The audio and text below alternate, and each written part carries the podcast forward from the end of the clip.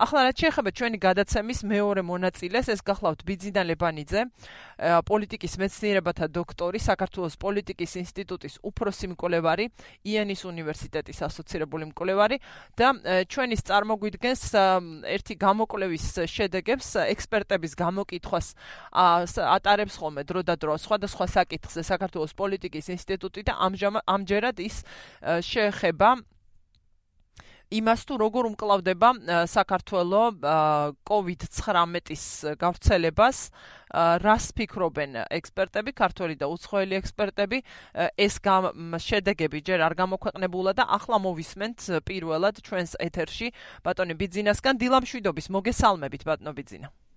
მოგესალმებით, მადლობა ჩართვისთვის, მოგესალმებით თქვენს მენელს. აა მოდით დრო არ დავკარგოთ, მაქსიმალურად გამოვიყენოთ, ბევრი არ დაგვრჩა სამწუხაროდ. აა რამდენი ექსპერტი იყო გამოკითხული, როგორ შეირჩნენ, მესმის რომ სახელებით ჩვენ მათ არ ვასახელებთ, მაგრამ ვის ანუ რა ჯგუფებს წარმოადგენენ ისინი და რა არის როგორია მათი შეფასება. რატომ ჩათვალეთ საჭიროდ ამ ეტაპზე არც თუ ისე საკმაოდ გაურკვეველ ეტაპზე ამ გამოკვლევის ასე უცბად ჩატარება. აა დიახ, ესენი არიან ძირითადად პოლიტიკური სფეროს ექსპერტები, ანუ ჯამში გამოვკითხეთ 40 ექსპერტი, აა 20 ქართველი და 20 უცხოელი, რომლებიც მუშაობენ საქართველოსზე, წერენ საქართველოს შესახებ საერთაშორისო პრესაში. აა ანუ რატომ რატომ რატომ ჩავთვალეთ ამ ეტაპზე საჭირო ნუ შემ გარკვეული ხნის შემდეგ კვლავ გავიმეორებთ სავარაუდოდ ამ კვლევას. თუმცა ეს საინტერესო ეტაპია მაინც იმიტომ რომ თქვა ბევრმა ქვეყანამ ვერ შეძლო პირველი რამდენიმე კვირის გამკლავებაც კი COVID-19-თან და საქართველოს კონდა შედარებით უკეთესი შედეგი და გვაინტერესებდა ეს როგორ აისახავ თქვა ექსპერტების მოსაზრებებზე. აჰა და როგორი არის შეფასება? და ვთქვათ რა რას იწონებენ, რას იწუნებენ ამ ეტაპზე? მაინც მნიშვნელოვანი არის ამის ცოდნა, ესე ვთქვათ კოლექტიური მოსაზრება, ხო, ამ ექსპერტების ამ შემთხვევაში, რაზეც ჩვენ ვილაპარაკებთ. აა დიახ, კი ბატონო, მოკლედ გაგაცნობთ მაშინ აა გამოკვლევის შედეგებს. აა ანუ ეს ჩვენ პრინციპში ამ გამოკვლევას ვატარებთ უკვე მეხუთე წელია და ეს არის პირველი შემთხვევა, როცა ექსპერტები ერთმნიშვნელოვნად დადებითად აფასებენ მთავრობის მოქმედებას, მთავრობის მენეჯმენტს. რომ შევაჯამოთ ქართველ ორივე ქართველ და უცხოელ ექსპერტების ჯგუფების შეფასება, თქვა კითხვაზე თუ რამდენად როგორია თქვენი ზოგადი შეფასება საქართველოს მთავრობის მიერ მიღებული ზომების შესახებ. გამოკითხულთა 77% აფასებს დადებითად. 20% არც დადებითად არც უარყოფითად, ანუ ნეიტრალური შეფასებაა და მხოლოდ 41 ერთმა ექსპერტმა შეაფასა უარყოფითად. ასევე თქვათ კითხვაზე თუ როგორ აფასებენ ისინი ცალკეული ინსტიტუციების მოქმედებას COVID-19 კრიზისის განმავლობაში, აქაც მთავრობა პრინციპში ლიდერობს მეორე ადგილზეა, პირველ ადგილზე გავიდა ვთქვათ ჯანდაცვის სისტემა, ანუ ესეც შეიძლება გავგუძლებ თავრობის ნაწილად ჩავთვალოთ. აა მეორე ტრენდი რაც გამოიკვეთა, ეს არის საქართველოს მართლმადიდებლური ეკლესიის ასევე ერთმნიშვნელოვნად უარყოფითად შეფასება, ესეც პირველად მოხდა ამ 5 წლის მანძილზე, რაც ჩვენ ვატარებთ კოლექციებს, რომ ასე ერთმნიშვნელოვნად უარყოფითი შეფასება ჰქონდა საქართველოს მართლმადიდებლურ ეკლესიას. და კონკრეტული შეკითხვა იყო, ხო? გადაწყვეტილებაზე. ხო, კონკრეტული შეკითხვაც ჰქონდა. ანუ ანუ ერთი შეკითხვა იყო ზოგადად ამ ინსტიტუციების, აქ საქართველოს ეკლესია გავიდა ბოლო ადგილზე. ეს იყო ერთადერთი ინსტიტუტი რომ რომელსაც ექსპერტების უმრავლესობა მისცა ყველაზე დაბალი შეფასება ანუ 5 ბალიდან 1 ბალი დაუწერა ექსპერტების 70%-მა თუ არ ვცდები და მეორე დიახ მე და მეორე შეკითხვა იყო უშუალოდ ეკლესიაზე როგორ აფასებთ მართლმადიდებელი ეკლესიის მიერ მიღებულ გადაწყვეტილებას არ შეცვალოს შეკრებისა და მსახურების წესი COVID-19 კრიზისის გათვალისწინებით აქაც გამოკითხულთა პრაქტიკულად სრულად 92% აფასებს უარყოფითად, 8% არც უარყოფითად არც დადებითად და პოზიტიური არც ითი პოზიტიური შეფასება არ გვაქვს. აჰა. ასევე გამოწვევებზეც იყო შეკითხვა, როგორც მე ვხედავ. თქვენს მე ასე ვთქვათ გამოგზავნილ ნედლ ინფორმაციაში. რომელიც შეეხება და გამოწვევებს და სუსტ სუსტ წერტილებს აი ამ ეტაპზე COVID-19-თან დაპირისპირების. რა რა ჩაითვალა ყველაზე სუსტ წერტილად ექსპერტების მიერ დღეს ყველაზე სუსტ წერტილად მაინც ჩაითვალა მოქალაქეების დაუმორჩილებლობა საკარანტინო და საგანგებო მდგომარეობის წესების მიმართ. კი ეს იყო ექსპერტების 50%-ის მიერ დასახელებული. აა და ამას მოყვა შემდეგ იგივე თქვა დაუმორჩილებლობა საქართველოს მართლმადიდებლური ეკლესიის მიერ საგანგებო მდგომარეობის წესების მიმართ 32% თვლის რომ ეს არის მთავარი გამოწვევა COVID-19-თან ბრძოლაში. ასევე გამოჩნდა ერთი სამედიცინო საკითხიც ამ ნაწილში, ხო? დიახ, ეს არის მასობრივი ტესტირების არ ქონა, ну ეს გუშინ დავამთავრე და გუშინ წამდე არ ქონდა მოიხსენებათ. აა და ანუ თავრობის არაეფექტურობა აქაც თუ არსები მხოლოდ ერთმა თუ ორმა ექსპერტმა ახსენა ეს ეს საკითხი. აქვე უნდა აღვნიშნოთ კიდევ ერთხელ ესენი არიან პოლიტიკური ექსპერტები, ესენი არიან ეპიდემიოლოგები, ან თქვა სამედიცინო სფეროში მომუშავეები, ხალხი ეს არის პოლიტიკური შეფასება პროცესების. ძალიან მნიშვნელოვანი ნაწილი იყო და კითხვა ჩემი აზრით და ეს ეს არის ძალიან მნიშვნელოვანი კონტექსტის და შესაძლებლობების გათვალისწინება, როცა ჩვენ ვლაპარაკობთ არათუ საქართველოს ხამ თავის გამართლებისთვის არ ვამბობ ან რამის ან ვინმესი, მაგრამ ყველას შესაძლებლობა ლიმიტირებულია საბოლოოდ როგორც ვხედავთ, ხომ, ასეთი გამოწვევის წინაშე. მით უმეტეს საქართველოს ტიპის ქვეყნისა, საქართველოსნაირი ეკონომიკისა და თქვენ კითხეთ ექსპერტებს პრიორიტეტებზე. რა ჩათვალეს მათ პრიორიტეტებად ამ ეტაპზე? აა დიახ, ანუ ამ შეკითხვაში მნიშვნელოვანია, ესე ვთქვათ, რესურსების განაწილება პრიორიტეტების მიხედვით, ნამდვილად. მithumetes არ ვიცი წინ რამდენი ხანი გველის კიდევ ამ მდგომარეობაში. დიახ.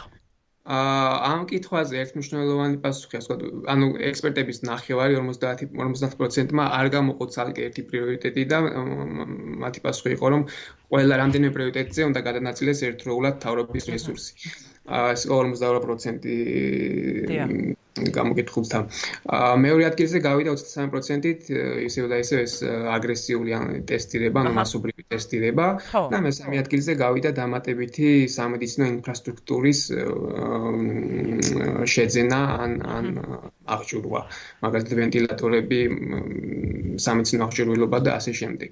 აჰა აა საველე ჰოსპიტალების საველე საავადმყოფოების აშენება ამას 9%-მა დაუჭირა მხარი და საკარანტინო და საგემო მდგომარეობის რეჟიმების კიდევ უფრო გაძლიერება და ამაში თქვა თავის რესურსების ჩადება ამას 3%-მა დაუჭირა მხარი. ანუ აქ ეს კაფიო სურათი არ გვაქვს გადანაწილი და ექსპერტა მოსაძლებელი. ბანობიძინა მსმენელი ყავს ხაზზე თუ დაგველოდა ცოტა ხანს დავაყოვნე დილამშვიდობის გისმენთ. გამარჯობათ. გამარჯობა გისმენთ. კორონავირუსი თავრობას რომ დღეში 20-30 ლარი დოლარი იწევა. გამდიდრდნენ სუნამუსოები ეს. აა მადლობა ზარისთვის 2988327-ია ჩვენი ტელეფონის ნომერი. აა ხო, ვიცი, ნამდვილად ყველაზე მწვავე საკითხი არის ამ ეტაპზე ვირუსის გავრცელების საფრთხის ტოლი პრაქტიკულად შემიძლია ვთქვა მეორე ადგილზეც ვერ დავაყენებ. ის მდგომარეობა რაც უკვე არის შექმნილი ეკონომიკაში და შეიძლება მთლიანობაში რაღაც რიცხვებით და შეფასებებით ეს ვინმესთვის ასე არ იყოს ჯერ, მაგრამ რა ვიცი, არ ვიცნობ ყოველ შემთხვევაში ასეც. და მით უმეტეს ძალიან კონკრეტული მძიმე მდგომარეობა აქვს შექმნილი ადამიანებს, რომლებმაც დაკარგეს სამსახურები და საჭიროებენ დაუყოვნებლივ დახმარებას. ჯერჯერობით მე რაც ვიცი არის გვესმის რომ მუშაობს თავრობა ამაზე რაღაც გარკვეულ გეგმებზე და რაღაც იქნება. ეს წარმოდგენილი და დახმარება გაეწევათ ამ მოქალაქეებს ჯერჯერობით არ ვიცი დეტალების შესახებ. ბანნობიძინა თუ გსურთ რომ გამოეხმაუროთ ამ ზარს? აა დიახან რაც შეეხება ეკონომიკურ საკითხებს, ნუ აქ ისე დაუბრუნდები ამ გამოკითხვას, აქ ჩვენ კითხეთ ექსპერტებს, ასევე ვთხოვეთ რომ გაეცეთ კონკრეტული რეკომენდაციები მთავრობისთვის, ზოგადად ესე ქვეყნისთვის, გამოგიტვის ხარისხობრივ ნაწილში. აა და სწორედ აქ ეკონომიკური საკითხები ყველა ერთ-ერთი ყველაზე უფრო დომინირებული მიღებული რეკომენდაცია იყო.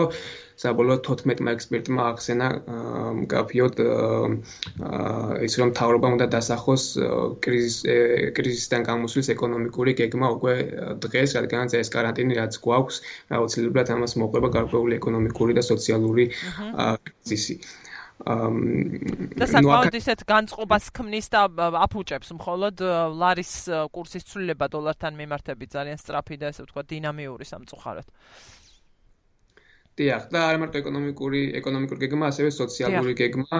აა მაგალითად ესე რეკომენდაციების ხუთეულში არის ასევე სოციალური კრიზისული გეგმის შემუშავება, რათა თქვა განსაკუთრებით დაეხმარონ მოსახლეობის მოწყვლად ჯგუფებს, რომლებსაც ყველაზე მეტი პრობლემა შეექმნებათ აი დღევანდელი მდგომარეობის გამო. ნამდვილად.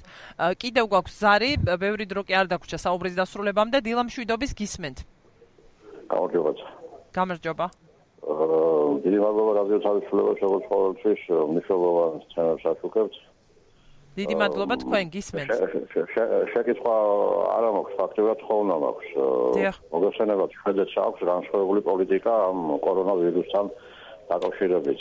იქ ჩემებიც არიან და სხვა ქართველებიც არიან და ძალიან გვაინტერესებს შედეცი რა პოლიტიკაა და რა შედეგები მოიტანა ამან თუ შეიძლება რომ გნებავთ თქვენმა ექსპერტად და გნებავთ სხვა რომ მოიწვიოთ ამ საკითხზე გვესაუბროთ არამარტო შვედეთში არამედ თუნდაც სხვა ქვეყნებზე რომელსაც განსხვავებული პოლიტიკა აქვს ამ კორონავირუსის ბრძოლაში ხო მრავალგვარი გამოცდილება დიდი მადლობა ამ ზარისთვის და თხოვნისთვის დიდი მადლობა რომ გვისმენთ მნიშვნელოვანია ხო ალბათ ცოდნა სხვების გამოცდილებისაც.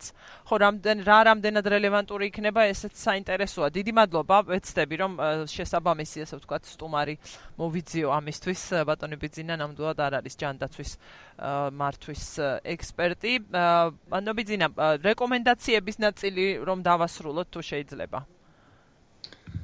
აა დიახ, ანუ რეკომენდაციების ნაწილშიც პრინციპში იგივე სურათია, რაც რაოდენობრივ ნაწილში, აქაც ნომერ პირველი პრობლემა იდენტიფიცირდა მოსახლეობის გარკვეული ნაწილის, თქვა მოქალაქეების გარკვეული ნაწილის აა მიერ არ გათვალისწინება კარანტინის და საგანგებო მდგომარეობის ზომებისა და შესაბამისად რეკომენდაცია ამთავრობის მიმართ რომ მათ უზრუნველყონ უფრო მკაცრად საკარანტინო საკარანტინო და საგანგებო მდგომარეობის წესების დაცვა. ანუ ექსპერტთა 65%-მა აღნიშნა ეს ნომერ პირველი რეკომენდაციად. მეორე ადგილზე აქაც არის იგი აა საქართველოს მართლმადიდებელი ეკლესიის პოზიცია. ის რომ უნდა უზრუნველყოფილი იქნას, რომ ეკლესია ასევე ახორციელებდეს მისდევდეს საგანგებო მდგომარეობის წესებს. ხო, ეს არის რეკომენდაცია. აა 15 ექსპერტმა აღნიშნა ეს. და შემდეგ მოხსენეთ ეკონომიკური და სოციალური საკითხები და კიდევ ერთი რეკომენდაცია რომელიც მოხდა ტოპ 5-ში ასე ვთქვათ ეს არის საკომუნიკაციო და საინფორმაციო სტრატეგიის დახვეწა განსაკუთრებით უმცირესობების რეგიონ რეგიონებთან მიმართებაში თუმცა ზოგადად ასევე მოსახლეობასთან მიმართებაში ეს გამოწვევა რჩება. ხო რა თქმა უნდა და ჩვენ გუშინ ვლაპარაკობდით ზუსტად ამ თემაზე მთელი გადაცემა ეროვნულ უმცირესობებს რაც შეეხება და მათ მოცვას სწორი და დროული ინფორმაციით და ეს არ არის ადვილი ამოცანა და ასევე სწორად აღნიშნეთ რომ აქ საქმე არ ეხება მხოლოდ ეროვნულ უმცირესობებს და არაქართულენოვან მოსახლეობას, არამედ ქართულად მოსაუბრე მოსახლეობის ნაწილის სწორად და ეფექტიანად ინფორმირებაც ისე რომ მათ ქცევაზე აისახოს შემდეგ ეს ძალიან მნიშვნელოვანია. მე მგონი რაც დრო გადის უფრო და უფრო ამ თვალსაზრისით უმჯობესდება ჩვენი ქცევა ყველასი. მაგრამ ხო სხვადასხვა მაინც ადამიანების აღქმა ნაწილისთვის შეიძლება უფრო ეფექტიანი რაღაცის იძულება იყოს ვიდრე ვთქვათ ინფორმაციის შედეგად თავად მიიღოს გადაწყვეტილება და აიღოს პასუხისმგებლობა. არ ვიცი ხო მაინც მგონია რომ შეუძლებელია ჯგუფმა იქნება ეს ხელისუფლება, ჯანდაცვის მართველი რგოლი თუ ასე შემდეგ, ვინმე შეძლოს უზრუნველყოფა აბსოლუტური წესრიგის და მთლიანი კოლექტიური პასუხისგებლობის თუ ჩვენ სათითაოდ არ შევიგნებთ რა და როგორ ჯობია რომ ვაკეთოთ ამ ეტაპზე. წუთი გაგვრჩება ბატნობიძინა, რამე თუ გამომრჩა ბრძანეთ და უნდა დავასრულოთ. აა მგონი არაფერი გამოგჩენია, ანუ საბოლოოდ საინტერესო შედეგები იყო და კიდევ გავემეორებთ სავარაუდოდ ექსპერტმა სამსაკითხზე და მოგაწვით კიდევ ინფორმაციას. ძალიან დიდი მადლობა, ძალიან დიდი მადლობა ამ ჩართვისთვის.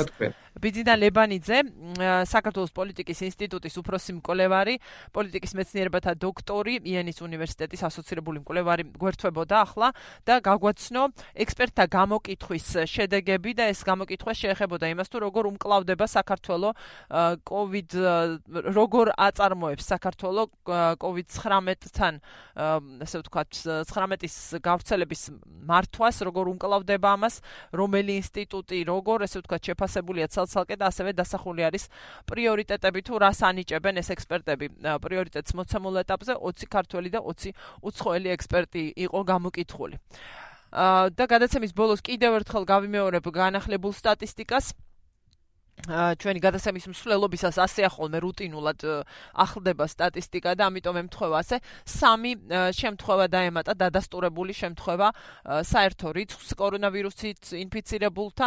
73 დადასტურებული შემთხვევა ახლა რომელთაგან 9 არის გამოჯამრთელებული. каранტინის რეჟიმში 4055 პირი რჩება. სტაციონარში მეთვალყურეობის ქვეშ 252 ძალიან დიდი მადლობა ყურადღებისთვის. რადიო თავისუფლების დილის საუბრებს უსმენდით თქვენ. დღის განმავლობაში თვალყური გვადევნეთ ინტერნეტში და ასევე რადიო თავისუფლების კიდევ არაერთი გადაცემა გადის რადიო მაესტროს სიხშირეებზე დღის მანძილზე. გმადლობთ, ლაპარაკობს რადიო თავისუფლება ხვალამდე.